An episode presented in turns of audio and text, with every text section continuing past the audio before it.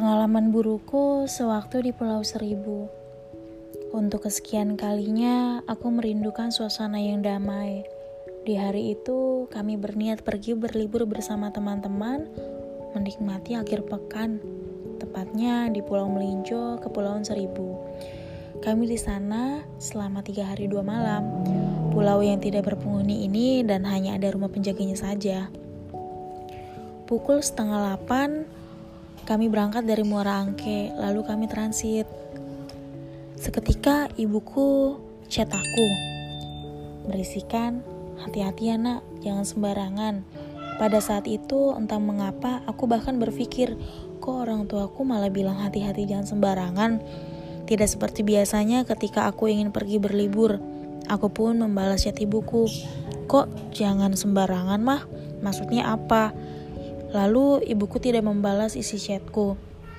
Akhirnya sampailah kami di Pulau Melinjo setelah meresapi sejuknya pulau ini. Aku bersama teman-teman perempuanku yang lainnya bergegas untuk masak-masak. Lalu temanku yang laki-laki mereka mendirikan tenda, pasang hamok, ada pula yang hanya menikmati suasana saja. Setelah semuanya rapi, aku dan teman-temanku bersenang-senang bernyanyi bersama di kegelapan karena kami hanya membawa sinaran hanya menggunakan lampu senter, lampu tembak yang sudah dipersiapkan. Lalu ketika malam itu sedang menyalakan api unggun, aku kebelet pipis.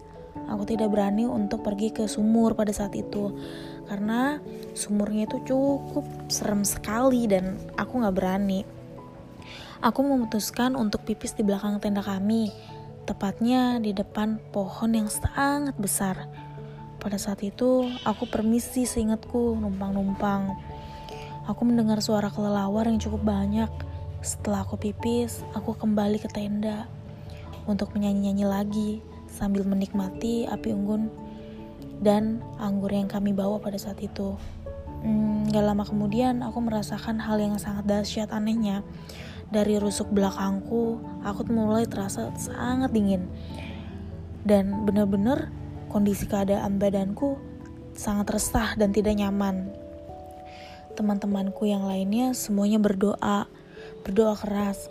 Aku langsung disuruh ke tenda, masuk gitu kan aku ke tenda lalu aku disuruh istirahat. Dan saking takutnya teman-temanku ini tiga orang menemaniku di tenda. Sampai teman baikku pada saat itu membacakan ayat kursi serta yasin. Tanpa sadar, aku meminum satu galon air. Aku pun membingungkan hal itu beserta teman-temanku yang lainnya. Keadaan itu aku tidak bisa melihat apa pun anehnya. Aku hanya bisa melihat teman-temanku saja. Aku nggak bisa ngelihat pohon, aku nggak bisa ngelihat pulau itu, bahkan aku hanya melihat teman-teman aku sendiri doang, dan itu sama tenda bener-bener aku blank aku nggak sadar aku melihat ada kereta emas di situ tapi tidak ada yang mengendarai. Aku juga melihat di situ ada air terjun. Aku juga melihat di situ ada api tapi anehnya aku tidak menangis. Aku pun tidak takut melihat itu. Senormalnya aku aku jujur aku orang yang sangat takut. Tapi pas di keadaan situ aku sama sekali aku nggak takut Waktu pas aku tidur pun, aku dipegang. Kakiku aja diganjal sama kakinya teman-teman aku yang lain agar aku tidak kabur. Pada saat itu, aku sering sekali diingetin temanku, Andina namanya. Pada saat itu, aku disuruh Andina untuk nyebutin semua teman-teman teman-temanku yang hadir di situ. Namanya satu-satu aku harus sebutin. Setelah hari kedua, aku mengalami trauma sampai hari ketiga. Bahkan aku cenderung mendiam Sampai temanku mungkin kesal ngelihat kelakuan aku karena ketraumaan aku ini. Aku pun meminta maaf pada hari terakhir. Lalu sampai rumah aku menangis yang kencang. Aku cerita ke mamaku apa yang terjadi. Mamaku hanya diam dan pacarku pun juga terdiam karena mereka nggak ikut kan di acara liburan kami. Mamaku bilang, aku merinding mendengar ceritamu nak. Mamaku bilang gitu, terus aku diem. Tujuh hari aku sakit. Pada hari ketujuh jam 2 pagi aku terbangun. Aku mendengar suara kelelawar itu lagi.